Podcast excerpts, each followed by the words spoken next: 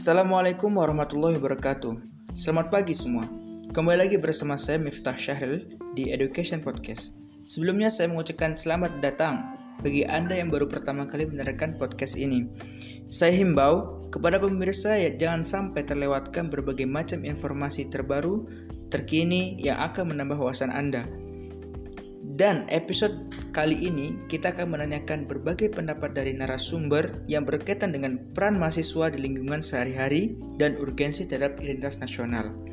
Sebelum itu, kita telah kedatangan empat tamu yang akan menjadi narasumber dari kedua tema tersebut.